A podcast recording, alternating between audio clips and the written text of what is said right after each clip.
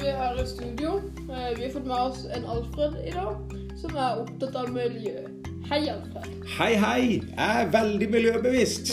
Er du det, ja? Ja, ja, ja. Ja, men det er jo bra. ja. Hva tenker du vi kan gjøre som er miljøvennlig? Eh, Det viktigste vi kan gjøre, det er å gjøre noe med forbruket.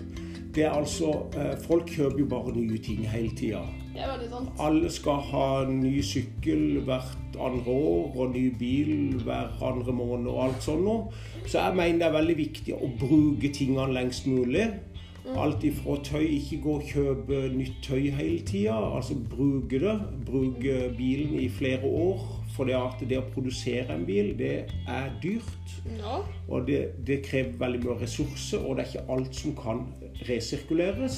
ja. Der, derfor mener jeg at for hvert år en klarer å holde en bil ekstra, så blir det produsert en mindre bil, og det er mer miljøvennlig. Ja, det er mer miljøvennlig. Bra. Ja, hva tenker du om elbiler, da? Elbil, eh, i utgangspunktet så er jeg jo veldig positivt til elbil. Altså det er I teorien i Norge så er det jo for så vidt miljøvennlig å bruke en, Det å bruke en miljø...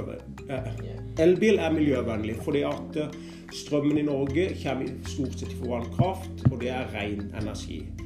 Men som veldig mange andre så er jeg skeptisk til eh, produsering av elbil. At det er, det er ikke så miljøvennlig. Og det å resirkulere etterpå, og levetida på en elbil, er forholdsvis eh, kort.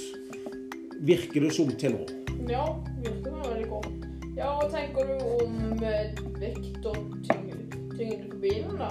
Altså det Altså, altså nå vet jeg, Det er jo flere aspekter med det med miljøvern. Altså, Du har det rene utslippet ifra, ifra hvordan du driver. Altså En bensin-dieselbil slipper jo ut uh, i forhold til det forbrenningsmotoret.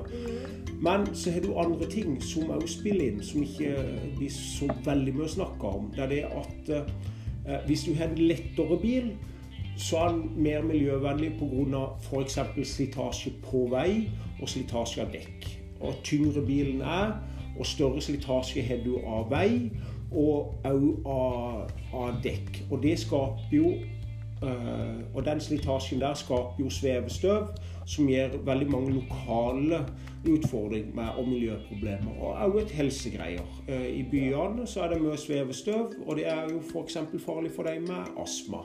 Og Ja. kan gi sykdommer. Ja. Så da er det er egentlig ikke elbilen som er veldig miljøvennlig som folk skal ha det til. Nei, eh, per nå så, så er han ikke det. For jeg tror at det med nå, nå har jo, eh, Det har jo vært den siste tiårsperioden at elbilsalget har, har økt. Ja. Og, og en ser det at det med retur av batteri og alt sånt jeg, jeg tror ikke det er en fullgod øh, løsning. Og òg utvinne De, må utvinne f.eks. i Kongo så utvinner de jo øh, kobolt, som er et øh, komponent i batteriene. Og det er under veldig dårlig miljø... øh, Miljø, arbeidsmiljø. arbeidsmiljø der. Og òg veldig farlige stoffer. Og, og det er ikke helt kontroll. Så det som er miljøvennlig for oss i Vesten, skaper jo store miljøproblemer i f.eks. Afrika, der de utvinner råstoffene. Og så kommer vi òg til å komme til der at vi begynner, kan gå tom for råstoffene. Og da har vi brukt opp gode råstoffer på dårlige batterier, egentlig. Så jeg mener at uh, utviklinga har vært litt for rask Og litt for klein. og litt for klein. Fordi at eh, løsningene er ikke gode nok. Og jeg er redd for at eh, vi, vi skaper et nytt miljøproblem med å bruke eh, elbil. Ja, men så er det jo sånn at det er jo bare nå som kan jobbe i disse her, med disse stoffene nede i Afrika. Med disse.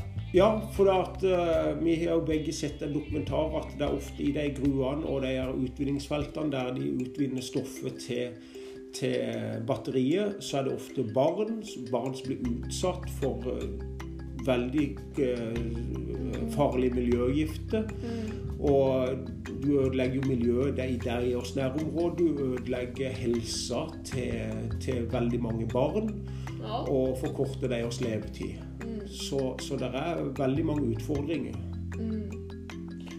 Men da får jeg si takk til deg. Takk, takk. Takk for at jeg var fikk veldig komme. gøy at du kunne komme og fortelle oss litt om dette her. Ja, bare hyggelig. Ja, men eh, takk for oss. Tilbake til studio.